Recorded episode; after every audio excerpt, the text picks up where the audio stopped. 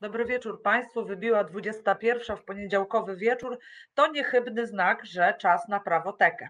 E, poprowadzę ją dzisiaj z sędzią Martą Korzuchowską-Warywodą. Cześć Marta. Dobry wieczór, witam serdecznie. A podstawowym naszym tematem będą lasy. Lasy co do zasady i w bardzo szerokim zakresie, ale zanim do ale zanim o lasach, Właśnie, ale zanim o lasach, o lasach to, myślę, to chyba optymistyczny akcent na początek, Marta, tak? Tak, dokładnie. Proszę Państwa, e, na skutek e, szeroko zakrojonych protestów w Izraelu, premier Izraela Benjamin Netanyahu odkłada w czasie reformy sądownictwa. Także po raz kolejny zdanie presja ma sens, pokazuje, że naprawdę warto sprzeciwiać się i protestować. E, tym bardziej, że dzisiaj już było ryzyko strajku powszechnego w Izraelu. Między innymi pracownicy lotniska i służby zdrowia, a także uczelnie wyższe ogłosiły strajki i to jest wiadomość dosłownie sprzed paru minut. I myślę, że warto podkreślić to, o czym mówi Marta, że presja ma sens to po pierwsze, ale po drugie, że my jako obywatelskie społeczeństwo kształtujące się, mam nadzieję, dopiero, ale jednak kształtujące się, powinniśmy brać przykład. Po pierwsze, e, z szacunku dla wymiaru sprawiedliwości. Oczywiście ten wymiar sprawiedliwości musi sobie na niego też zapracować, ale ja bym chciała bardzo zwrócić Państwa uwagę, że ten szacunek dla izraelskiego wymiaru sprawiedliwości nie wynika tylko z tego, myślę, w jaki sposób wyroki są ferowane i jakie te wyroki są, ale także z tego, w jaki sposób ten wymiar sprawiedliwości został ukształtowany, jaką on ma niezależność, zwłaszcza należy podkreślić, o tym mówiliśmy w naszej audycji, niezależność prokuratury, która ma bardzo duży głos, bardzo silny głos, wiążący głos, ale przede wszystkim głos, który jest niezależny od nikogo, kto jest związany politycznie. I to jest bardzo ważna, e, bardzo ważny element tej układanki. Zachęcamy Państwa do tego, żebyście Państwo o tym pamiętali i zwracali uwagę na to, żeby u nas to też się udało, bo to będzie naprawdę siła społeczeństwa, państwa i demokracji. A teraz e, przejdziemy do naszego podstawowego e, tematu. Naszym dzisiejszym gościem gościem jest Augustyn Mikos, który reprezentuje Pracownię na Rzecz Wszystkich Istot. Dzień dobry, Augustyn. Dobry wieczór, witam wszystkich serdecznie. Augustyn był już kiedyś naszym gościem i wówczas rozmawialiśmy o lasach, ale wydarzyło się coś, samo się nie wydarzyło, były powody, że się wydarzyło, ale coś, o czym chcielibyśmy Państwu opowiedzieć i naświetlić całą e, sytuację z tym związaną. A mianowicie 2 marca 2023 roku zapadł wyrok e, TSUE, czyli Trybunału Sprawiedliwości Unii Europejskiej, który dotyczy lasów. Nie jakichś tam lasów, ale naszych, proszę Państwa, polskich lasów, tych, które są za Państwa e, płotem, za Państwa polem, za Państwa domem czyli te lasy, które powinny nas interesować. Prawda, Augustyn? Czy to ważny wyrok rzeczywiście? E, ja bym powiedział, że to bardzo ważny wyrok. E, w historii naszej organizacji to tak naprawdę zaliczamy go do, ten, ten wyrok, czy doprowadzenie e, do tego wyroku, ponieważ w pewien sposób jesteśmy za to odpowiedzialni jako organizacja, za jeden z największych sukcesów w ponad 30-letniej historii mm, tej organizacji. Więc uważam, że że jest on ważny dla polskiego społeczeństwa, dla polskich lasów, miejmy nadzieję też, że będą one dzięki, dzięki tej kontroli sądowej, o której zaraz pewnie będziemy mówić, zdecydowanie lepiej, lepiej chronione, ale ja nawet y, zaryzykuję, żeby powiedzieć, że ten wyrok może mieć znaczenie na poziomie europejskim, ponieważ y, mogę o tym zaraz opowiedzieć, Polska to nie jedyny kraj, w którym są problemy z dostępem do wymiaru sprawiedliwości w sprawach dotyczących środowiska i mamy nadzieję, że ten wyrok, który zapadł 2 marca, e, zainspiruje inne e, społeczeństwa obywatelskie w innych e, państwach Unii Europejskiej do tego, żeby też dochodzić swoich praw w Trybunale Sprawiedliwości Unii Europejskiej i żeby też dochodzić, walczyć o to, żeby, żeby ta, ta kontrola sądowa nad gospodarką e, leśną była obecna też w, w, w tych państwach. Ja e, tylko może powiem, że między innymi takim państwem są Niemcy, w których chyba nie ma możliwości zaskarżenia planu urządzenia lasu do sądu i w Niemczech też politycy sędziów wybierają. Mhm. I skwapliwie przywołują to na stronie Lasów Państwowych po ogłoszeniu wyroku e, TSUE. Słuchajcie, zaraz e, poprosimy Augustyna, żeby nam odpowiedział, jak to było od początku, bo proszę Państwa, ten wyrok nie wziął się znikąd, tylko wziął się ze e, ciężkiej pracy naszych organizacji polskich, no i z sześciu lat działań. O tym za chwileczkę Państwu powiemy, ale muszę po prostu odczytać odnoszący się, myślę, jeszcze do naszego wstępu, komentarz pana Tomasza Szyndralewicza, który napisał szacunek do przedstawicieli prawa bierze się ze świadomości obywatelskiej. Ja sobie chyba to zanotuję, panie Tomaszu, bo absolutnie podpisuję się obydwiema rękami pod tym, co pan e, napisał i bardzo bym chciała, żeby wszyscy Polacy sobie z tego sprawę e, zdawali. Mm, Augustyn, no co wyście znowu nawywijali przed tym CUE, może nie bezpośrednio przed CUE, ale to wyście tą sprawę tam popchnęli. Wiem, że zaczęło się od Puszczy Białowieskiej. Opowiedz proszę, co tam się Tak, ja może w ogóle zacznę od tego, y, czego ten wyrok dotyczył, bo chyba nie powiedzieliśmy tego wprost, a, a to, to wydaje mi się bardzo ważne. Y, w zasadzie ten wyrok dotyczy dwóch spraw. Mm, jedna sprawa to to, o czym już trochę wspominałem, to znaczy dostęp do wymiaru sprawiedliwości w sprawach dotyczących środowiska, a konkretnie y, możliwość zaskarżania w sądach administracyjnych decyzji zatwierdzających plany y, urządzenia lasu. Czyli tak zwanych puli. Puli, tak zwanych puli, tak. Nasz ulubiony skrót, który każda osoba, która się zaczyna zajmować jakoś gospodarką leśną i działaniem na rzecz ochrony lasów w Polsce musi szybko poznać ten skrót i jego rozwinięcie, czyli plan urządzenia lasu. To jest ekstremalnie ważny dokument, opracowywany co 10 lat dla każdego nadleśnictwa w Polsce. Tych nadleśnictw jest 429 i cała Polska jest objęta obszarami nadleśnictw i to są takie podstawowe jednostki organizacyjne lasów państwowych, a lasy państwowe zarządzają w zasadzie praktycznie wszystkimi lasami w Polsce, no 80% tych lasów. Plan urządzenia lasu to jest taki podstawowy dokument gospodarki leśnej, na podstawie której właśnie te nadleśnictwa zarządzają lasami. No, określa to, ile drewna się będzie pozyskiwać w tym lesie, który jest y, za naszym polem czy za naszym, y, czy za naszym płotem, w jaki sposób się to będzie robić, jakie rębnie się będzie stosować, czy będzie się y, stosować zręby zupełne, gdzie po prostu jest wycinane kilka hektarów lasu, czy będzie się wycinać po kilka drzew w, w sposób rozproszony w, w, różnych miejscach? Czy będzie się wycinać drzewa w, y, w danych siedliskach chronionych, czy nie, prawda? Więc to jest, to jest bardzo, bardzo ważny dokument. I teraz mm, Trybunał Sprawiedliwości Unii Europejskiej stwierdził w zasadzie w taki najprostszy sposób, że te plany urządzenia lasu, które są zatwierdzane decyzją ministra środowiska, czy w tym momencie ministry klimatu i środowiska, że te decyzje, które zatwierdzają te plany urządzenia lasu, powinny podlegać kontroli sądowej, czyli powinniśmy móc zaskarżyć je y, w sądzie e, administracyjnym. Dotychczas tak nie było, wciąż tak nie jest tak naprawdę w Polsce, ponieważ prawo jeszcze nie zostało dostosowane. I drugi aspekt, czy drugi, druga część tego wyroku dotyczy zwolnienia gospodarki leśnej w Polsce z wymogów y, czy z, y, mm, z, obowiązku spełniania y, wymogów ścisłej ochrony gatunkowej przy prowadzeniu gospodarki leśnej.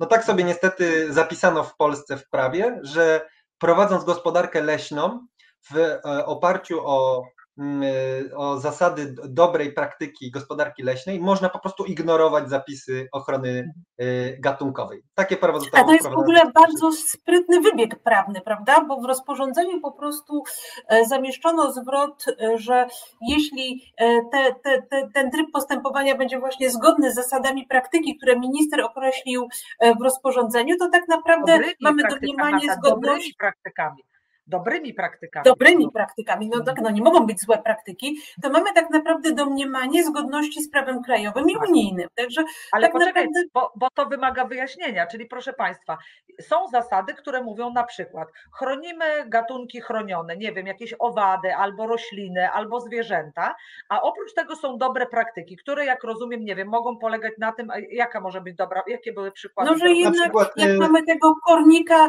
to wycinamy go razem z drzewami. A, nie, nie, akurat tego nie było zapisanego w dobrych praktykach, ale takie praktyki typu y, nieciągnięcie drzew korytem potoku na przykład, prawda? Co jest bardzo ważne. To, to, to jest ważne, żeby tego nie robić. Ale...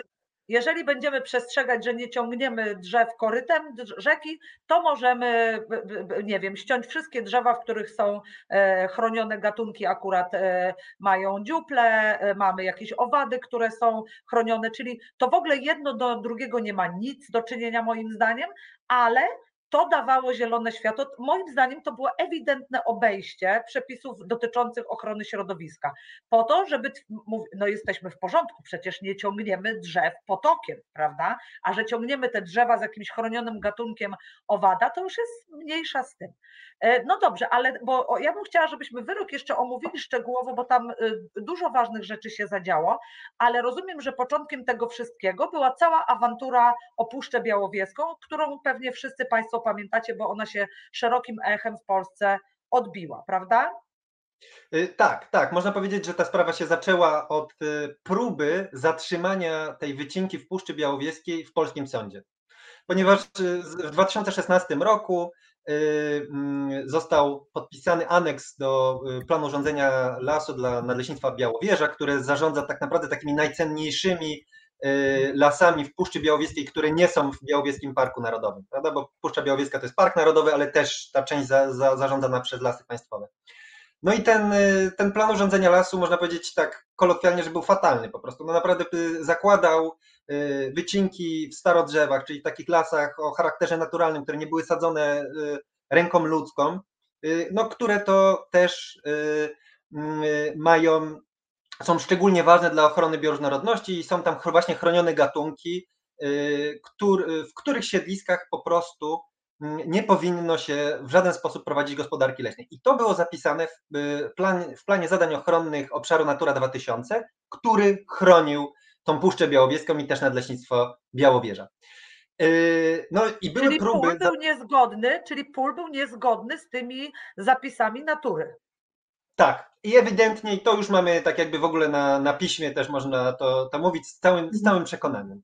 Y, żeby I myślę, że też ten... chyba warto powiedzieć, że wstrzymanie tej wycinki Puszczy Białowieży to był jeden z pierwszych przypadków zastosowania środków tymczasowych, prawda, wobec Polski. Tak, tak, tak. Y, Trybunał Sprawiedliwości Unii Europejskiej zastosował taki środek tymczasowy i tak naprawdę dopiero po zastosowaniu tego środka tymczasowego y, te wycinki ustały. Ja tam byłem cały czas, akurat chodziliśmy do lasu i, i sprawdzaliśmy, czy, czy są te, mm, te zalecenia spełniane i kiedy to były takie zalecenia miękkie, y, typu jakaś rekomendacja UNESCO, czy, y, czy na przykład upomnienia Komisji Europejskiej, te wycinki trwały dalej.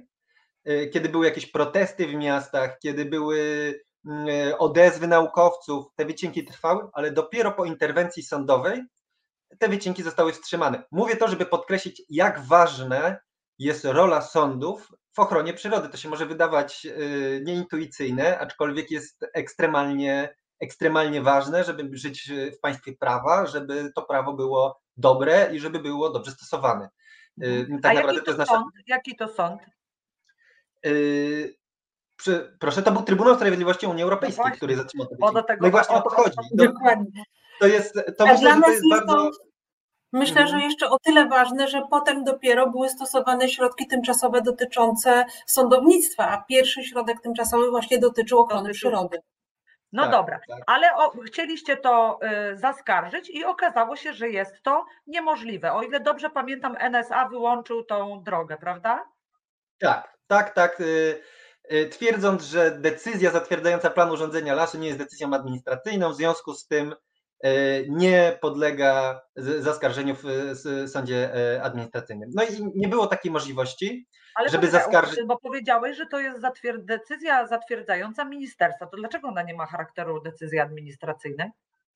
No, takie, takie jest orzecznictwo, okay, tak? Takie, takie jest orzecznictwo i to już jest coś, co zostało w zasadzie utrwalone. To, to, to nie, mhm. jest, nie był pierwszy przypadek, że coś takiego mm, zostało, y, zostało stwierdzone. Więc nie, był, nie było takiej możliwości. My musieliśmy się zwrócić z tą sprawą i od razu powiem, że w międzyczasie, kiedy, kiedy próbowaliśmy zaskarżyć, y, zresztą nie tylko my, Rzecznik Praw Obywatelskich też próbował to zrobić, y, kiedy próbowaliśmy zatrzymać te wycinki w polskim sądzie, czy zatrzymać decyzję, która dopuszczała wycinki w polskim sądzie, te wycinki się rozpoczęły. Czyli te drzewa zaczęły wyjeżdżać z tych najcenniejszych fragmentów Puszczy Białowieskiej. Więc można powiedzieć, że czas start, prawda? Sprawa, sprawa się zaczyna, miejsca, których nie da się odbudować, bo to, są, to, to trzeba po, po, powiedzieć bardzo, bardzo wyraźnie, że jak się wytnie drzewa w takim miejscu jak Puszcza Białowieska, w takim cennym drzewostanie, to las w takiej formie tam się może odbuduje za 500 lat, a może już nie tak naprawdę przy, przy obecnych zmianach klimatu i, i niestabilności tak naprawdę środowiska, to, to takie, takich lasów po prostu możemy już nie zobaczyć. Wystarczy Ale... przekroczyć granicę z Białorusią, prawda? Tam Puszcza Białowieska to są takie drzewinki drobne. No, yy... Nie, może nie wszędzie. Tam Park Narodowy obejmuje w zasadzie całą tą, tą, tą puszczę, więc też są fragmenty, które są dobrze zachowane. Yy, no ale, ale na pewno, y, i to też trochę inny las, nie, nie, nie, nie, nie takie same powiedzmy, mm, tak, nie ten sam, nie, nie, nie, da się tego tak jeden do jeden powiedzmy odnosić. Mhm. No ale to, to, co jest ważne, to to, że ten czas zaczął płynąć, drzewa zaczęły wyjeżdżać z lasu, a my musieliśmy składać skargę do Komisji Europejskiej. Komisja Europejska musiała przejść całą procedurę naruszeniową, która też trwa. To trwało wiele miesięcy. Dopiero po, po wielu miesiącach, y, to był lipiec, o ile dobrze pamiętam, 2017 roku, yy, yy, sprawa została skierowana do Trybunału Sprawiedliwości Unii Europejskiej i dopiero w listopadzie yy, Trybunał zastosował ten, y, no w zasadzie doprowadził do tego, że, że wycinki zostały y, zatrzymane. Do momentu, kiedy te wycinki zostały zatrzymane, w Puszczy Białowieskiej na mocy tych nielegalnych, bezprawnych planów urządzenia lasu wycięto 200 tysięcy metrów sześciennych y, drewna. No tak można powiedzieć 200 tysięcy metrów sześciennych, co to oznacza? Tak mniej więcej to jest 200 tysięcy drzew, z czego połowę wycięto w tych najcenniejszych y, starodrzewach, w tych, w tych najcenniejszych lasach o charakterze mm, y, naturalnym. I dopiero wtedy tą wycinkę się udało zatrzymać na mocy decyzji Trybunału Sprawiedliwości Europejskiej. No i my tak jakby doszliśmy do wniosku, że taka sytuacja nie może się Jakie powtórzyć. było uzasadnienie? Jakie było y, uzasadnienie Trybunał... dla tej wycinki w Puszczy Białowieskiej? Przypomnijmy jeszcze to. Y, tak, uzasadnieniem była konieczność, czy przynajmniej ta, taka była interpretacja walki z gradacją kornika drukarza. Kornik drukarz to jest taki chrząszcz, który atakuje głównie świerki no i w tym 2017 roku to był okres, pamiętamy wszyscy, susz dość mocnych, te kilka lat, które, które w zasadzie było dopiero od dwóch lat, mamy takie trochę lepszą pogodę, prawda? Yy, wtedy ja będę miała od razu pytanie, bo to był taki moment, że wszyscy stali się specjalistami od kornika drukarza i każdy yy, miał swoje pomysły, jak rozwiązać ten problem. Czy wy jako organizacja mieliście tutaj jakieś rozpoznanie tego problemu, czy faktycznie te wycinki były konieczne. Tak z ciekawości pytam nawet jako człowiek i nie leśnik.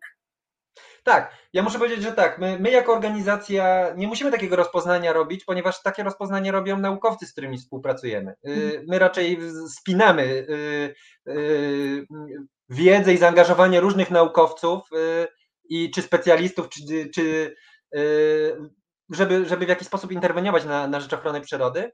E, no i tak naprawdę można powiedzieć, mm, że był taki podział wśród ekspertów w Polsce. Eksperci z dziedziny leśnictwa, leś, sami leśnicy, w większości mówili, że, te, że trzeba ciąć, e, ale jak się rozmawiało z, mm, z biologami, z ekologami lasu, z osobami, które nie są związane właśnie z tymi uczelniami leśniczymi czy z lasami państwowymi, to wszyscy mówili, że to jest naturalny proces i w lesie takim jak Puszcza Białowieska którego tak jakby priorytetem w zarządzaniu tym, tym miejscem nie powinno być pozyskanie jak największej ilości surowca, tylko ochrona naturalnych procesów przyrodniczych, to walka z tą gradacją jest bezsensowna. Z wielu powodów. No, no po pierwsze, to jest po prostu naturalny proces, który się dzieje od czasu do czasu. Taka jest dynamika lasu, że, że jak jest dużo świerków, to, to co jakiś czas te, te korniki się tam po, pojawiają i ten las po, po takiej gradacji się potem regeneruje. A druga rzecz jest taka, że tak naprawdę nawet sami leśnicy to przyznają, że żeby walczyć skutecznie z kornikiem drukarzem, trzeba wyciąć około 80% za, zainfekowanych drzew i wywieźć je bardzo szybko z lasu.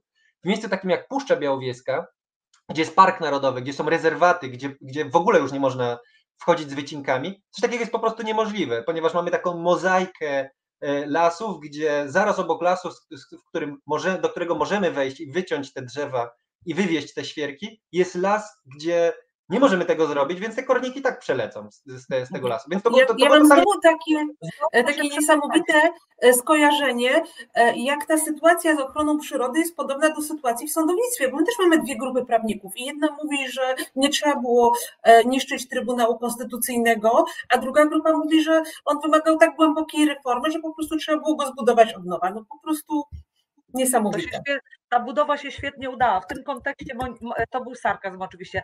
E, Monika e, Kromka, koleżanka nasza, justycjanka, e, słusznie zauważa to, co już Marta też powiedziała, że zabezpieczenie TSUE w sprawie puszczy miało precedensowy charakter, stając się ważnym narzędziem także w późniejszej walce o praworządność. No taka, taka trochę prawda, chociaż wolałabym tego nie mówić jako prawnik i osoba, która o tą praworządność walczy, wolałabym tego nie robić i zająć się czymś zupełnie innym, ale prawda jest trochę, że e, przetarliście nam szlak. E, To e, tak. Ale poczekaj, poczekaj, bo Monika jeszcze coś istotnego napisała. Przecież to minister Szyszko przyjechał ze słoikiem Tak. korników do TSUE. E, Chciałam się wykazać litością i już tego nie mówiłam, ale pamiętam, że rzeczywiście był z tym słoikiem. No, to nie jest, e, to nie jest takie e, chyba chwalebne. No dobrze, ale rozumiem, że ta historia pokazuje również, jak bardzo ten TSUE nam jest potrzebny. To znaczy wtedy, kiedy jakby nie mamy, bo, bo on bardzo często pomaga wtedy, kiedy my nie mamy prawa do sądu w Polsce.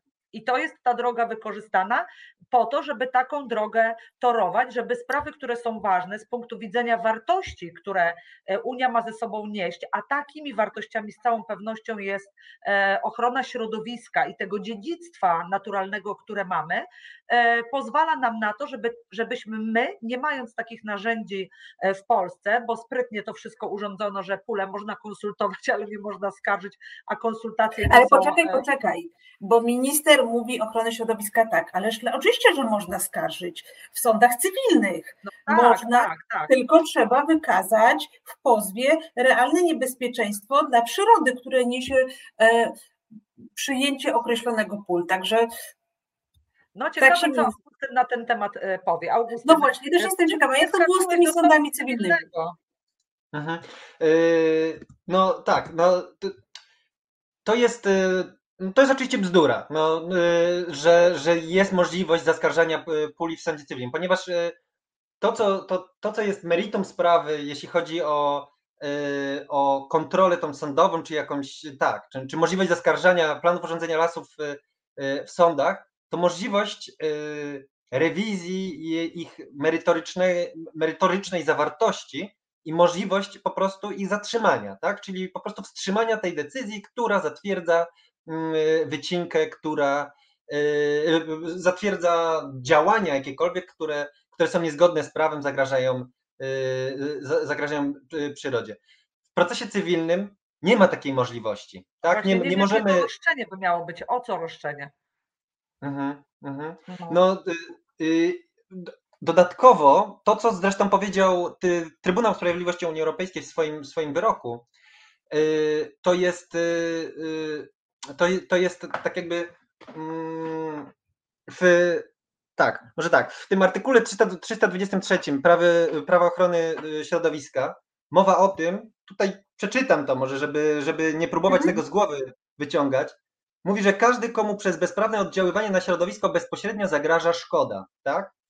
W, w dyrektywie z, z Arhus, na podstawie której mamy zapewniony ten dostęp do wymiaru sprawiedliwości w sprawach dotyczących środowiska, nie ma mowy o tym, że komuś ma zagrażać jakakolwiek szkoda, tak? Ten dostęp do wymiaru sprawiedliwości w sprawach dotyczących środowiska powinien być zapewniony każdej e, osobie, która ma wystarczający interes y, i też y, wszystkim organizacjom y, ekologicznym, które po prostu się zajmują tymi, tymi sprawami. Więc to też jest, y, to jest, to jest też coś, co, no, co po prostu nie jest, nie jest spójne, nie jest zgodne z, y, y, z, tą dyrektywą, tak? Y, No więc to są te, te, te dwie rzeczy, które, które wymienił Trybunał w swoim wyroku, w których, mm, na podstawie których twie- stwierdza, że, mm, Że to jest iluzoryczne prawo tak naprawdę. że no tak. W zasadzie nie jest to wykazać. Dokładnie, dokładnie. Yy, My Nie taki proces. Mhm. Proszę? Nie byliście sami, bo tych instytucji, Pracownia na Rzecz Wszystkich Istot była jedną z tych Tak. inicjatorek, e, która ostat... e, tego postępowania, które do, ostatecznie doprowadziło do skargi. Ale powiedzmy uczciwie, że nie byliście jedyną e, instytucją, jedyną, jedyną organizacją. Instytucja może nie jest właściwym e, słowem. Wymieńmy je proszę, bo myślę, że to zasługuje Tak. na e, przy, Tak, oprócz, oprócz nas tą skargę do Komisji Europejskiej wspólnie, tak naprawdę w trzy organizacje to zrobiliśmy, zło- złożyła też Fundacja imienia Franka Bolda, y, z siedzibą główną w Czechach, ale w Polsce też w, Krakowie jest bardzo prężnie działająca filia i Fundacja WWF Polska, więc trzy te organizacje mm, y, tę skargę składaliśmy. Y, Chociaż takie sprawy dotyczące braku dostępu do wymiaru sprawiedliwości miały też inne mm, organizacje pozarządowe. Y, Jest taka fundacja działająca w, y, w, na Warmii, Mazurach, y, Fundacja Las Naturalny. Oni też mieli podobne mm, problemy y, i, i, też, do, mm, i, i też dostarczali dodatkowych dowodów, można powiedzieć, na, na, te, na te naruszenia Komisji Europejskiej, też składając skargi, które potem zostały w, w, włączone do. mm, Te, te dokumenty też zostały włą- włączone do, do tej sprawy i, i. A powiedz mi, jaka w ogóle była droga? Czy e, w momencie, kiedy sąd administracyjny odrzucił e, waszą skargę na tą decyzję, to to wam otworzyło drogę do wniesienia e, sprawy do Komisji Europejskiej? Jak tutaj to wyglądało technicznie? No, Technicznie to wyglądało bardzo prosto. Jest y, tak naprawdę skargę do Komisji Europejskiej może złożyć każdy obywatel, każda obywatelka, każda organizacja tak naprawdę, która stwierdza, że w jakimś, y, y, w jakimś zakresie p- prawo krajowe y, nie, nie jest dostosowane do, do tych wymogów unijnych. No ja muszę przyznać, że my tą, tą ścieżkę stosujemy dość często. Niestety musimy ją stosować ze względu na to, że po prostu w wielu kwestiach to, mm, to prawo polskie e, nie, no nie spełnia tych, tych, tych wymogów e, unijnych, więc e, no, to jest bardzo prosta sprawa. Wiele osób to robi, te, niektóre te skargi są, są bardzo proste. My raczej takie skargi składamy w, w taki bardzo kompleksowy sposób z udziałem prawników, prawda, którzy, którzy nas z tym wspierają, ale, ale nie trzeba być prawnikiem. Można wejść na, ta- na stronę, w tym momencie nie pamiętam dokładnie adresu, ale bardzo łatwo sobie y, go wyszukać, jest formularz, y, wystarczy opisać tą, tą sprawę, y, można ją opisać językiem nawet y, bardzo prostym y, i taka, i taka skarga y, y, jest potem przez komisję lub y, y, w, jak, w jakiś sposób y, y, komisja podejmuje działania, tak, rozpoczyna tą procedurę naruszeniową, lub odpowiada, że, że nie, nie, nie, widzi tutaj żadnego naruszenia prawa unijnego y, i, i nie podejmuje takiej sprawy. No, zdarzało nam się w przypadku na przykład y, murów Puszczy Białowieskiej, tak? To jest sprawa, która, która jest y, dość, dość głośna od kilku lat. Ten mur, który został zbudowany na, na granicy polsko-białoruskiej, że taką skargę złożyliśmy. No i ona nie została podjęta przez, przez Komisję Europejską, przez Komis- Komisję Europejską. Czy też sprawa, która, o ile się nie mylę, tego dotyczyła moja poprzednia obecność tutaj w, w resecie obywatelskim, y, prowadzenia gospodarki leśnej bez planów urządzenia lasu, ponieważ mamy taki problem w Polsce, że tak naprawdę w reg- regularny sposób się prowadzi gospodarkę leśną bez planów urządzenia lasu. Złożyliśmy skargę, niestety też komisja jej nie, y, nie, nie podjęła. Y, Ale warto, warto próbować. Zachęcam, ponieważ y, no jak widać, czasami się to udaje, a niestety w Polsce w obecnej sytuacji, w której, no, no tak dyplomatycznie mówiąc, y, środowisko nie jest najlepiej chronione i, i mamy też problem z, w ogóle z prawem, y, no to te instytucje unijne często są, mm, są ostatnim i jedynym, y, jedyną de- deską ratunku, chociaż jak widać w przypadku tego wyroku, może tak do końca nie być. Ja myślę, że to też warto powiedzieć, ponieważ reakcja naszego rządu na ten... Ale poczekaj, poczekaj, Augustyn, jeszcze do tego dojdziemy. Ale tak sobie y, y, y, słucham Ciebie i myślę sobie teraz, że nawet w takich sytuacjach, kiedy mm, ten sygnał, który idzie od społeczeństwa, czy mówisz od, nawet prywatnej osoby, nie zostanie podjęty przez Komisję Europejską, to jednak może zdarzyć się tak i może nawet powinno zdarzyć się tak, że o tym, co się dzieje i co się nie podoba temu zgłaszającemu, może dowiedzieć się szersza opinia publiczna. No i wtedy my też możemy wywierać jakąś presję, czy możemy mówić o tym problemie, że to nam się nie podoba. Oczywiście nie mówię tutaj o sytuacjach, w których e, ten ktoś błędnie sygnalizuje, albo tak też może przecież się zdarzyć, ale o ważnych sprawach, jeżeli my się o tym dowiemy e, jako społeczeństwo, to my również możemy przecież podejmować pewne kroki. No i teraz dobrze, trwało to 6 lat. Ja tak zaczęłam sobie liczyć, skoro ścięto 200 tysięcy drzew, jak sądzisz, ilu nie ścięto? Ilu nie ścięto? Trudno powiedzieć.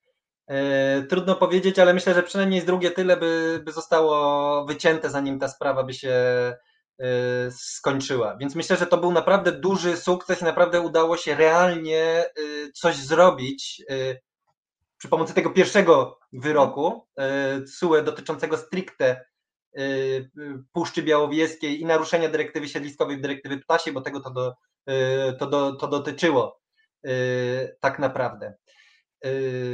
Tak. No wiesz co, bo mi się wydaje, że to warto powiedzieć, bo kiedy mówisz ścięto 200 tysięcy drzew, mówię sobie Matko Boska, ta pomoc przyszła za późno, ale kiedy dodajesz, że oszczędzono co najmniej drugie tyle, to mówię o Matko Boska, dobrze, że to się jednak udało, że to jednak wskazuje, że jakkolwiek oczywiście smutne jest to, że musiało 200 tysięcy drzew zostać y, ściętych, ale jednak no, y, udało się uratować następne tyle, więc to jest bardzo ważne. I teraz, e, I teraz wróćmy do wyroku, bo już powiedzieliśmy o tym, że e, mamy plan urządzenia lasów, który jest takim specjalnym projektem, co przez 10 lat będzie się w naszym lesie wydarzało i tego dotyczy wyrok, ale polski rząd mówi, że to jest nieprawda. Przeczytałam na stronie Lasów Państwowych, o ile dobrze pamiętam, że przecież te konsultacje, które wy uznajecie za iluzoryczne, E, że tak naprawdę to 90% tych e, e, sygnałów, które są otrzymywane w ramach konsultacji, jest przez lasy uwzględniane. Co byś odpowiedział na taki argument? Bo wydaje mi się, że tam jakoś nie dowierzam temu. Tak, no ja niestety muszę znowu powiedzieć, że to bzdura. No bardzo mi przykro i mówić tak o, o wypowiedziach y, urzędników y, ważnych, państwowych, no ale, ale naprawdę to jest bzdura i, I ta liczba jest po prostu wyssana z palca. No nie, nie, naprawdę nie wiem, skąd ta liczba została wzięta, te 90%. Tak, no tak nie ma, nie ma żadnych. lasów państwowych. Tak, tak, ja, ja wiem skąd wy, wy ją wzięliście, bo, ponieważ też czytałem to stanowisko, ale nie wiem skąd autor czy autorka tego stanowiska wzięła tę liczbę, ponieważ ona nie ma żadnego związku y, z rzeczywistością. Y, są dostępne Ale to liczby. Ja jeszcze bym jeden argument, bo e, tak naprawdę minister tutaj mówi, że on nie wycina lasów, tylko wycina poszczególne drzewa i jest to związane z prowadzeniem gospodarki leśnej, a prawda jest taka, że z roku na rok e, przybywa terenów zalesionych w Polsce i one się zwiększają w dość istotny procentowy sposób, więc o co cała ta afera? No tak, ale to jest, to jest takie mówienie obok tematu, prawda? No bo tego w mhm. ogóle nie, nie o to chodzi, prawda? Oczywiście nikt z nas e, nie, nie jest tutaj takim radykałem, żeby nagle postulować to, żeby przestać prowadzić gospodarkę leśną. Nie, nikt nigdy takiego postulatu nie, e, jeszcze o, o ile pamiętam, nie, nie wystosował, żeby prze, przestać wycinać drzewa. Ja, ja tutaj siedzę teraz na przykład przy drewnianym e, biurku, mam drewnianą szafę, którą widać kawałeczek dalej. Każdy z nas na pewno ma mnóstwo drewnianych przedmiotów wokół siebie i to jest potrzebne, prawda? Drewno jest potrzebnym produktem i nikt z nas nie ma zamiaru y, blokować gospodarki leśnej i zabijać polskiego przemysłu drzewnego. To jest niestety taka demagogia, którą się wykorzystuje tak, bardzo ten często. argument też został użyty właśnie, że to jest tak. próba zablokowania polskiego konkurencyjnego przemysłu drzewnego, który będzie skutkował wzrostem bezrobocia na terenach wiejskich. No oczywiście, bo to jest, taki, to jest taki argument, który świetnie się sprzedaje, prawda? Jak się powie, że będzie szczególnie w czasach problemów gospodarczych, jeszcze nie mamy problemów z, z bezrobociem, ale pewnie już niedługo będziemy mieć przy obecnej sytuacji gospodarczej, więc to jest coś, co bardzo świetnie się sprzedaje, ale ja, ja polecam zapytać się, mm, porozmawiać z jakąś osobą z przemysłu drzewnego, z, e, e, z osób, jakąś z osób reprezentujących e, takie stowarzyszenia, które zrzeszają firmy z przemysłu drzewnego, jak się ich zapyta, kto zagraża przemysłowi drzewnemu, to dużo z tych osób powie, że to są tak naprawdę lasy państwowe. Z wielu względów, ze względu na, na, na rezygnowanie z certyfikacji zrównoważonej gospodarki leśnej, są takie certyfikaty FSC, czy ze względu na przykład na ustalanie wysokich cen drewna, czy, czy, czy sprzedawanie drewna na takich zasadach, które prowadzą do wywindowywania cen. Ale to jest jedna rzecz. Ja bym chciał za to wrócić do tego, też do, trochę do tego meritum sprawy i powiedzieć trochę o tych mhm. konsultacjach i o tych liczbach. Ta liczba jest wzięta z, z nieba. To jest pierwsza rzecz. I są dosyć, to mnie bardzo dziwi, ponieważ y, lasy państwowe bardzo łatwo mogłyby takie liczby y, w bardzo konkretne przedstawić, ponieważ. A może nie taka... tak dobre, Augustyn, może nie tak ja dobre. Ja myślę, że mogłaby, ponieważ na podstawie y, informacji udostępnionych przez same lasy jest taka bardzo fajna fundacja w, w Polsce, y, która się zajmuje takimi sprawami, typu właśnie udział społeczeństwa w decydowaniu o lasach, lasy i obywatele, czy lasy i obywatelki mają dwie, dwie nazwy takie powiedzmy y, funkcjonujące w, te, w ten sam sposób. No i oni zapytali, mm, czy one raczej zapytały lasów państwowych o to, ile jest uwzględnianych tych uwag składanych przez mhm. społeczeństwo e, w konsultacjach planów urządzenia lasu. I o ile się nie mylę, te liczby były bliżej 20% niż 90%. A to było badanie takie bardzo długoterminowe. No, ale w sensie o tym mówi Augustyn. No nie bierze się liczby 20%, bo dużo lepiej wygląda 90%.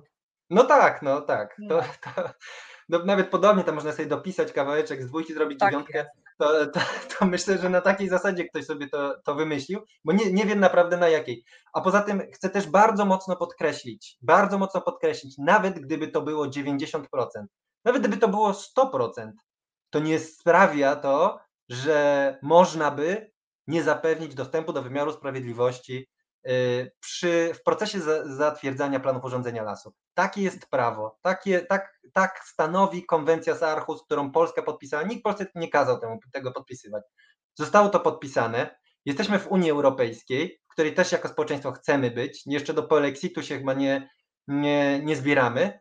I prawo y, unijne tak naprawdę stwierdza, że, że te plany urządzenia lasu muszą y, podlegać, podlegać tej kontroli sądowej, więc więc nawet gdyby konsultacje były prowadzone w najlepszy sposób, najwięcej tych, y, tych, tych uwag byłoby uwzględnianych, wciąż y, konieczne była, byłoby zapewnienie możliwości zaskarżania tych planów urządzenia lasu, mm, lasów w sądzie. Y, a jak no, te konsultacje są organizowane? Ale, ale, ale Augustyn, tak? ale powiedzmy, żeby to wybrzmiało, bo te nasze konsultacje Y, nie były wcale tak prowadzone, żeby uwzględniały, to o tym już sam powiedziałeś, ale w ogóle one miały charakter, no powiedzmy sobie wprost, mm, iluzoryczny nieco, jeśli nie całkowicie, prawda? Ja tak uważam. Musisz o tym powiedzieć, żebyśmy mieli świadomość, z czego my startowaliśmy, żebyśmy mogli zrozumieć, jak bardzo ten wyrok jest ważny z naszego obywatelskiego punktu widzenia. Tak, po pierwsze to, co jest ważne, to to, że plan urządzenia lasu, jak powiedzieliśmy to już kilkukrotnie, jest opracowywany na 10 lat. Co oznacza, że jest opracowywany co 10 lat. Mhm. To znaczy, że y, obywatele i obywatelki mają możliwość wzięcia udziału w tych konsultacjach planu urządzenia lasów raz na dekadę. W ciągu 10 lat może się bardzo wiele zmienić. Bardzo wiele może się zmienić w lesie, ktoś może się wprowadzić gdzieś do, do, do, w jakieś miejsce. Mhm. Może się zmienić świadomość społeczeństwa. Proszę sobie pomyśleć, jak, jak różną mieliśmy świadomość e, chociażby zmian klimatu 10 lat temu, a dzisiaj, prawda? Mhm. Więc, e, więc to jest zdecydowanie za rzadko. Te, te 10 lat, e, co 10 lat, kiedy, kiedy można w jakiś sposób się wyrazić na, na temat tego, w jaki sposób jest prowadzona gospodarka leśna. To jest, po, to jest po pierwsze. Druga rzecz to to, jak już powiedziałem, niestety powszechną praktyką w Polsce jest prowadzenie gospodarki leśnej, czyli po prostu prowadzenie wycinek mimo braku zatwierdzonego planu urządzenia lasu. Jak to w praktyce wygląda? Plan urządzenia lasu jest, powiedzmy, obowiązuje od 1 stycznia 2023 roku. On jest zatwierdzany najwcześniej kilka miesięcy po tym, jak zaczął formalnie obowiązywać, Aha. czy jak, jak powinien był zacząć formalnie obowiązywać. Zwykle około roku, a były przypadki, że, że było to 10 lat, gdzie nadleśnictwo funkcjonowało bez planu urządzenia lasu.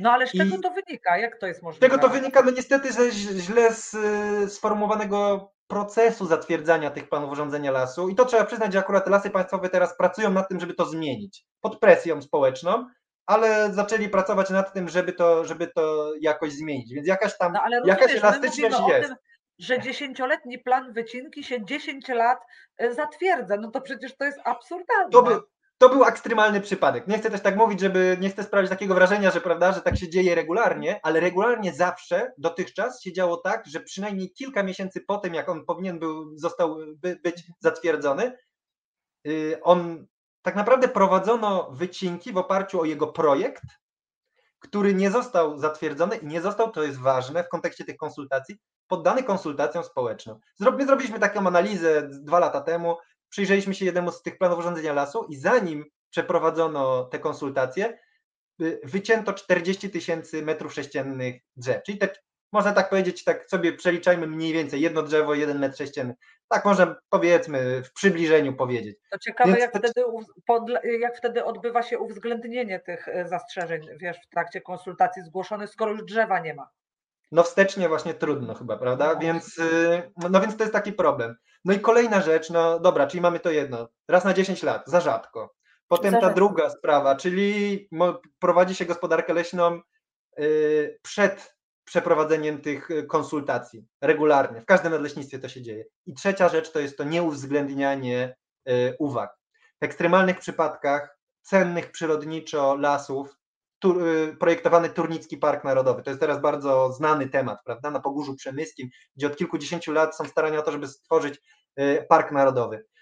Tam było kilkaset uwag do tego planu urządzenia lasu, które, no, które głównie organizacje przyrodnicze, e, ekologiczne wnosiły o to, żeby jakoś zmodyfikować gospodarkę leśną, nie zaprzestać jej, ale zmodyfikować tak, żeby była prowadzona z większą dbałością o ochronę przyrody. Wszystkie one zostały z automatu mm, odrzucone. Kilka lat temu y, też została przeprowadzona taka analiza przez Pawła Pawlaczyka na, na zlecenie Fundacji Dziedzictwo Przyrodnicze, który ją po prostu sprawdził, czy są uwzględniane takie proprzyrodnicze uwagi y, składane w tych konsultacjach planów urządzenia lasu. No i wyszło mu, że takie, które domagają się jakiejś modyfikacji gospodarki leśnej, takiej właśnie proprzyrodniczej, czyli coś ograniczyć, gdzieś tam zmniejszyć wielkość zrębu, podwyższyć wiek ręb- rębności, to znaczy, że lasy będą starsze. One wszystkie też były odrzucone. Przeanalizował chyba 40 nadleśnic. No, czyli można powiedzieć, że to jest Dobrze, problem trzeba systemowy. uzasadnić, jak to się odbywa, Augustyn? Czyli e, ja zgłaszam zastrzeżenia, czy ktoś musi mi odpisać, przepraszamy bardzo, ale pani zastrzeżenie jest niewłaściwe, bo to, bo tamto, czy po prostu się go nie uwzględnia i to wszystko? No to wygląda tak, że y, y, przez te 21 dni jest y, projekt planu urządzenia lasu wyłożony do konsultacji. Można sobie przyjść do nadleśnictwa albo zobaczyć na stronie nadleśnictwa, jak wygląda ten plan urządzenia lasu, można złożyć uwagi. I potem do tych, do tych uwag y, no, lasy państwowe mają obowiązek się jakoś odnieść, tak? Ale mają się obowiązek odnieść, ale nie mają żadnego obowiązku ich uwzględnić, a potem jak, jak składają ten projekt do ministerstwa, żeby on został podpisany, muszą, y, muszą napisać, w jaki sposób te uwagi zostały uwzględnione. Czyli to jest tak, tak naprawdę tak jedyny obowiązek. No, no, dlatego mówimy, że to jest fikcja, ponieważ nie ma żadnej, y, żadnego twardego narzędzia y, Kontroli. wpływu na kontroli i wpływu na tą gospodarkę leśną. Dlatego te sądy są tak ważne, prawda? Potrzebujemy czegoś, ponieważ okej, no w tych konsultacjach mogą być różne rzeczy napisane. Ktoś może powiedzieć, ja chcę, żeby robić zrąb zupełny na, w całym lesie, prawda? No można napisać też tam głupoty. Więc rzeczywiście, no mm, y, nierozważnym byłoby y, wprowadzenie jakiejś takiej zasady, że one muszą zostać uwzględnione, bo ile osób tyle No nie, opinii, no. prawda? Ale no właśnie, dlatego, dlatego musi być możliwość te, y, wywierania jakiegoś wpływu, kiedy są, są bardzo ściśle zapisane reguły, co można zrobić, a czego nie można zrobić, i żeby niezależny y, jakiś organ, czy jakaś niezależna instytucja mogła to rozsądzić. y, No, sąd jest do tego najlepszy, prawda? Okej, przeszliśmy już przez to, jak było, to przejdźmy może teraz do takiego pytania, co zmieni ten wyrok E, i jak będzie wyglądała, Czy oczywiście, jeżeli ten wyrok zostanie wykonany. No właśnie, na razie niestety y, Ministerstwo Klimatu i Środowiska i Lasy Państwowe wspólnie odgrażają się, że po prostu tego wyroku nie będą stosować i że się, że się mu sprzeciwiają. że... Ale minister mówi też, że pierwszy zarzut jest bezpodstawny, że te przepisy, Aha. które zostały zaskarżone, to już rok temu zostały uchylone, a obecnie e, prowadzi się taką ochronę przyrody, która w ogóle wykracza poza to, co wymaga Unia Europejska. To jest tak czy nie? No ja mogę się tylko tak uśmiechać trochę, trochę przez łzy, bo niestety to jest znowu przykład takiej demagogii, chyba bardziej robienia polityki niż, niż rozmowy merytorycznej, rzetelnej o, o tym, jak powinna być chroniona yy, przyroda. To prawda, że jeśli chodzi o ten, bo, tam były te dwa zarzuty, prawda, jeden dotyczący derogacji, yy, wyłączenia gospodarki leśnej z obowiązku spełniania yy, wymogów ścisłej ochrony gatunkowej, tam prawo zostało zmienione i trzeba powiedzieć, że zostało zmienione w dobrym kierunku. Też nie Bo można demonizować w dobre- 100% tego, tak, tak, O rzeczywiście, praktyki. Mhm. tak, rzeczywiście y, wprowadzono pewne zmiany, przeniesiono ten kodeks dobrych praktyk leśnych do ustawy o ochronie przyrody, skreślono ten zapis, że, y, że p- gospodarka leśna prowadzona zgodnie z tymi praktykami z, y, no po prostu jest wy, tak, wyłączona z Chroni y, środowisko. Tak, to chroni, chroni środowisko. Y, Aczkolwiek, aczkolwiek to, co jest najważniejsze, to nie jest to, co jest na papierze, tylko to, co jest w lesie, tak naprawdę, to, co się dzieje w terenie. Niestety sytua- sytuacja mocno się nie zmieniła, ponieważ ja sam byłem przy, świadkiem takich sytuacji, że wycinano drzewa, na, którym były, na których były stanowiska y, ściśle chronionych gatunków. To był akurat porost. Yy, No i mimo zgłaszania takich przypadków, yy, no, no wciąż to się dzieje, tak? Wciąż jest prowadzona gospodarka leśna w okresie lęgowym ptaków na przykład, co jest no po prostu praktycznie nie da się uniknąć niszczenia stanowisk chronionych gatunków ptaków, jeśli się prowadzi tą gospodarkę w sposób systemowy w całej, w całej Polsce. Przez całe. W, w, tak, w okresie, przede wszystkim w tym okresie lęgowym, prawda? No to jest, to jest, no teraz on się zaczyna, to jest bardzo ważny moment. Są gniazda, są, są młode i to jest, y, y, tego się powinno, No dobra, unikać. Augustyn, ale jak to jest możliwe? Skoro zostały zmienione te przepisy, to jak jest możliwe, że nic w praktyce się nie, zmie- nie zmieniło?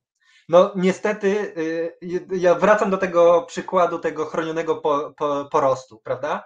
No proszę sobie wyobrazić, że sytuacja wyglądała tak, że znajomi to była akurat y, mm, inicjatywa Dzikie Karpaty działająca w, Bieszczadach, zajmująca się właśnie takim monitoringiem społecznym y, działania lasów państwowych. Kolega z inicjatywy, kolega z koleżanką znaleźli tą, tą kłodę, na której był ściśle chroniony y, okaz y, ściśle chronionego porostu. Zrobili zdjęcia, zrobili filmy i potem poprosili mnie, żebym tam wrócił i zobaczył, czy wciąż tam ta kłoda jest. Z, z, zwróciliśmy się do, zwrócili się oni do nadleśnictwa, tak? Wróciłem w to samo miejsce po tygodniu czy po dwóch. Nadleśnictwo odpowiedziało, że nic takiego się nie zdarzyło. Nie było zni- żadnego zniszczenia stanowiska chronionego gatunku. Ja tam przyszedłem, nie było kłody. Zrobiłem tylko taki filmik, gdzie było do, dosłownie widać, jak jest odciśnięta, y, odciśnięty kształt tej kłody mm, y, w, na, na ziemi, tak?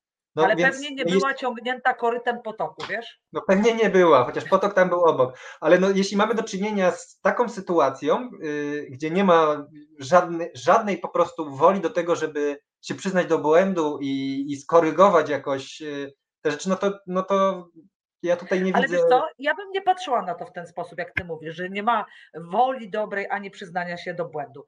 Rozumiem, że ci ludzie zrobili zdjęcia, które wysłali, mieli dowody. To nie jest kwestia dobrej woli, to jest kwestia totalnego, e, totalnego lekceważenia obowiązującego porządku prawnego i No e, sytuacja, tak. w której ktoś złapany na włamaniu mówi, ja się nie włamałem. Ja? I usuwa jeszcze dowody. Tak, i, i, i, twie, i dokładnie, i usunął dowody. No więc my tutaj nie możemy mówić o braku woli do współpracy. To jest po prostu granda i zachowanie niezgodne z prawem. Ewidentnie tak, jak to Dobrze, mówią. ale no, słuchajcie, no, ale co dalej? pan zrobi, tak?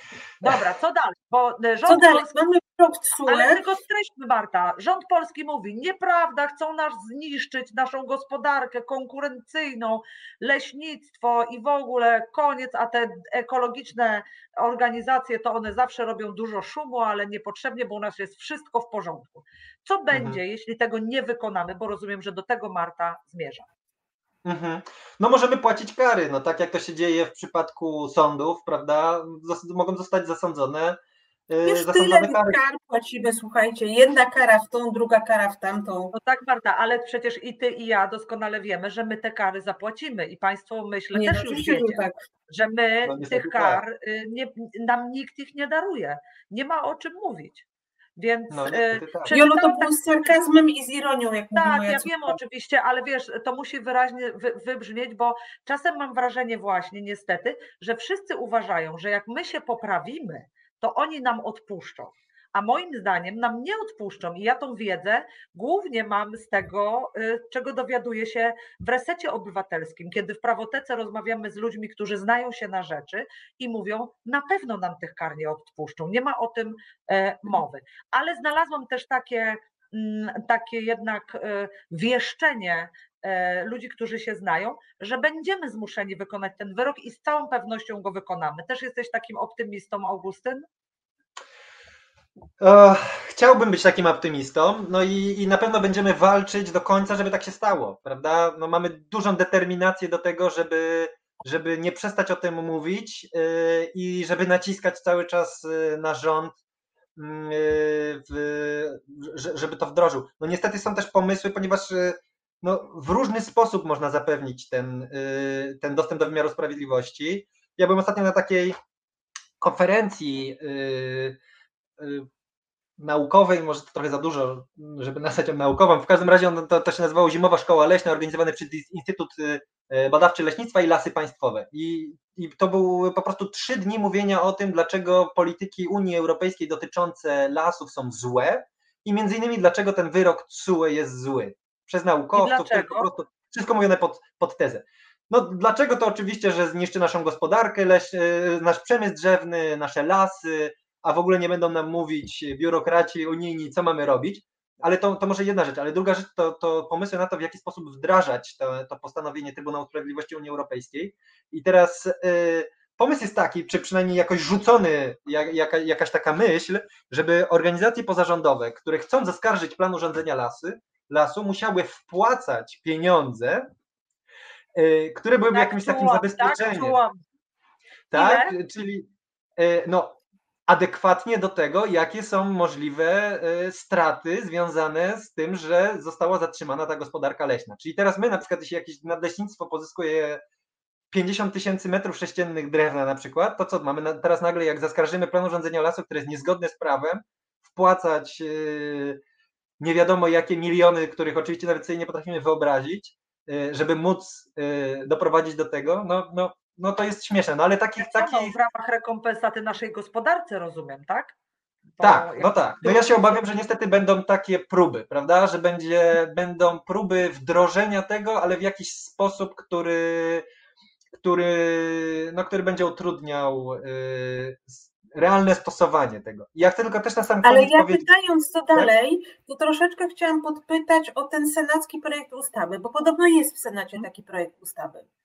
Obrona Tak, jest, tak, tak, jest taki p- projekt. Ten projekt jest, y, mm, jest gotowy tak naprawdę od dawna. Sprawa jest bardzo prosta. Wystarczy stwierdzić, że decyzja zatwierdzająca plan urządzenia lasu jest decyzją administracyjną y, i tak naprawdę y, po sprawie, prawda? Może, możemy dochodzić. y, y, No tak, no możemy zaskarżać wtedy takie decyzje w sądach administracyjnych i nie ma żadnego, nie ma żadnego problemu. No miejmy nadzieję, że, że uda się to, uda się to zrobić, ale no ja, ja wolę nie być zbyt hura optymistą, ponieważ my, my jednak mamy takie podejście, przynajmniej, przynajmniej w naszej organizacji, że zawsze się przygotowujemy na najgorsze, żeby, żeby, żeby, no żeby po prostu nie osiąść na laurach i zawsze, jeśli jest jakakolwiek możliwość, że, że coś jeszcze może, może być nie tak, to żeby mieć na to gotowość i, y, i reagować po prostu. Kiedy zaczynaliśmy audycję, powiedzieliśmy o tym, ty powiedziałeś właściwie o tym, Augustyn, że ten wyrok, który zapadł 2 marca 2023 roku, on znaczenie ma tak naprawdę nie tylko dla Polski, bo są jeszcze w Unii Europejskiej kraje, w których też takiego zaskarżenia e, nie ma przewidzianego w przepisach, no i że to by dawało jakby szansę, że na zasadzie analogii, jak rozumiem, tych krajach również te rozwiązania musiałyby zostać zastosowane. E, Oczywiście e, słusznie Marta zauważyła, że nasz rząd na stronach napisał, że nie mają takich, takich możliwości zaskarżania Niemcy i jeszcze jeden kraj wymienił, ale nie, Austria, właśnie. Co jak, rozumiem, co jak rozumiem, ma być dla Polaków sygnałem: Niemcy są tacy super, Austriacy są tacy super, ale oni też tego nie mają. I co w związku z tym ty, Augustyn, myślisz? Jakie mogą być konsekwencje dla Niemców i Austriaków? Mam na myśli obywateli, nie e, tych, co prowadzą gospodarkę leśną. No ja tak, już, e, tak jak już powiedziałem na samym początku, ja mam nadzieję, my mamy taki plan, żeby w ogóle też opowiedzieć innym organizacjom pozarządowym z e, innych państw członkowskich Unii Europejskiej o tym, jaką ścieżkę przeszliśmy, y, jak, y, tak jakby też y, na podstawie jakich regulacji argumentowaliśmy, że, że ten dostęp do wymiaru sprawiedliwości powinien zostać zapewniony, dlaczego to zrobiliśmy, prawda, w czym nam to może pomagać, jakie są nasze doświadczenia no żeby zainspirować y, te, y, te, te organizacje pozarządowe do tego, żeby w swoich krajach też dochodziły takiego prawa. Jeśli może jakieś, może inne rządy, może niekoniecznie, ale może będą trochę bardziej cywilizowane i po prostu w, zmienią prawo po tym, jak się zorientują, że coś jest nie tak, może ktoś przyjdzie do nich, jakaś organizacja pozarządowa, zgłosi im taki problem to, to prawo zostanie dostosowane, chociaż podejrzewam, że że, że niekoniecznie tak będzie. E, ale jeśli nie, mam nadzieję, że po prostu będą dochodzić e, mm, swoich praw poprzez e, składanie skarg Komisji Europejskiej i prawa w tych krajach też będą dostosowywane do, do wymogów unijnych. Muszę tylko powiedzieć, że są też kraje, w których te, takie prawo funkcjonuje. Ostatnio chociażby w Rumunii, która skądinąd ma dużo problemów niestety z, z gospodarką leśną. No niestety jest tam rzeźnia w, la, w lasach naprawdę bardzo cennych w Karpatach ale udało się ostatnio zatrzymać y, w sądzie plan urządzenia lasu, który przewidywał wycinki w, w starodrzewach. Więc, więc są też kraje, w których to funkcjonuje, prawda? Mhm. No to jest jakoś takie, w e, Można to jakoś tak porównać, że te kraje post, e, postsocjalistyczne e, mają większe problemy z tą gospodarką leśną niż te kraje, gdzie ta demokracja jest bardziej ugruntowana, porównując to do problemów z wymiarem sprawiedliwości. Bo ja mam cały czas takich ja analogii szukam. Ja bym, ja bym aż tak daleko nie szedł, nie. ponieważ są też kraje, Szwecja, która po prostu mhm. naprawdę ma potężne problemy z tym związane, ma bardzo dużo lasów, ale też ma ekstremalnie intensywny system e, zarządzania tymi, tymi lasami, po prostu ogromne zręby, plantacje mm, e, drzew, no a nie jest to, to, to państwo post, postkomunistyczne. Z, z drugiej strony Słowenia na przykład, sobie nie można robić z rębów zupełnych, prawda? Więc to, to byłoby zbyt proste, y, okay. zbyt duże uproszczenie. Ale to, ale to chyba, ale to chyba yy, pamiętam, jak przygotowywałam się do naszego pierwszego spotkania, to właśnie byłam zdumiona, jak wiele tych y, procedur naruszeniowych jest wszczynanych wobec krajów, których bym nigdy o to nie posądzała. Właśnie państw skandynawskich, Finlandii, Szwecji. W związku z tym, no tutaj trzeba powiedzieć uczciwie, że no zawsze pewnie powstaje problem tam, gdzie jest y, zderzenie interesów gospodarczych z interesami Dokładnie. ochrony środowiska i no, y, w sposób oczywisty rządy poszukują pieniędzy, więc często chodzą na skróty, niestety przez e, drzewo, które powalili. Natomiast to zupełnie nie zwalnia nas z tego, żebyśmy my mm, jednak o swoje interesy jako obywatele dbali, prawda? Oczywiście, słuchajcie, e, czas biegnie w sposób nieubłagany, więc potrzebujemy jakiś optymistyczny akcent, bo ostatnio nie było takiego ja mam, akcentu. Ja mam, ja mam Masz? optymistyczny, a mianowicie cały czas moim już e, słabnącym wzrokiem, ale patrzę na komentarze i widzę e, komentarze, w których Państwo piszą to, co rzeczywiście jest ważne, czyli że los tych lasów i los ochrony środowiska jest w naszych rękach. Mamy rok wyborczy, wybierając swoich przedstawicieli do Sejmu, do Senatu, zapytajmy ich najpierw, jakie oni mają poglądy na ten temat, sprawdźmy ich, a za te dwa lata zapytajmy ich, co z tego zrealizowali, bo to wydaje mi się jedyna właściwa droga. Pani Katarzyna Kozioł e, o tym e, bardzo dużo pisze. Dziękuję Pani Katarzyno za dużo e, komentarzy. Tak. I zakończcie program, ja się wyłączę, ponieważ mój zegar bije i nie pozwala mi z Państwem się komunikować. Znaczy, ja, ja cały czas Ja cały czas myślę o tym, że wzrasta nasza świadomość, że tak naprawdę jako e, społeczeństwo i ekosystem e, bez czystego powietrza i bez lasów nie możemy funkcjonować. I, i, I myślę, że to z roku na rok jest coraz bardziej istotne, zwłaszcza dla młodych ludzi, którzy mają więcej tego życia przed sobą niż my. Mhm. Augustyn, twoje ostatnie słowo. Zegar Zgadzam się i ja też muszę powiedzieć, że tak pytając się, y, odpowiadając na pytania, co dalej i czy ten wyrok zostanie wdrożony, czy, czy nie, ja tak odpowiadałem trochę tak pragmatycznie i, i nie starałem się być zbytnim hura optymistą, ale jednak trzeba powiedzieć, że to jest naprawdę duży sukces, to co się zdarzyło, że to jest naprawdę krok w dobrą stronę i że no, prędzej czy później wywalczymy sobie to, to, to prawo y, kontroli społecznej na, na różnych y, poziomach nad, nad zarządzaniem naszym wspólnym dobrem, jakim, jakim są lasy. Więc y, zdecydowanie to jest jedna z y, naprawdę bardziej pozytywnych rzeczy, które się zdarzyły, y, jeśli chodzi o, o ochronę lasów w Polsce w ostatnich lasach. Po, po, po sukcesie Puszczy Białowieskiej chyba, chyba druga taka kolejna rzecz w ostatnich pięciu latach najważniejsza. Która tak troszeczkę bez echa przyszła, przeszła, ja mam wrażenie. Dlatego cieszę się, że mogliśmy o tym dzisiaj porozmawiać. Ja też Tak również się jest. cieszę, bardzo dziękuję za zaproszenie. Bardzo Ci dziękujemy, Augustyn. Państwu również dziękujemy i pamiętajcie Państwo to, co powiedzieliśmy na samym początku i co powtórzyliśmy kilkakrotnie w czasie naszego programu. Presja ma sens i to, czy ten wyrok zostanie zrealizowany, czy przepisy zostaną zmienione, tak naprawdę Oj. leży Jolu, trochę w naszych rękach. Tak, tak, leży trochę w naszych rękach, bo my, e, bo my możemy w tej sprawie wywierać presję. Dziękujemy Państwu bardzo. Zapraszamy Państwa za tydzień. Podobno to ma być nasza setna audycja, ale chyba to jeszcze musimy sprawdzić. W każdym razie ma, zamierzamy świętować, jeśli tak jest. Dziękujemy. Dzięki Augustyn. Bardzo serdecznie. Dziękujemy serdecznie. Dziękujemy. Dziękuję. dziękujemy Marta. Dobranoc Państwu. Dobranoc, do zobaczenia. Dobranoc.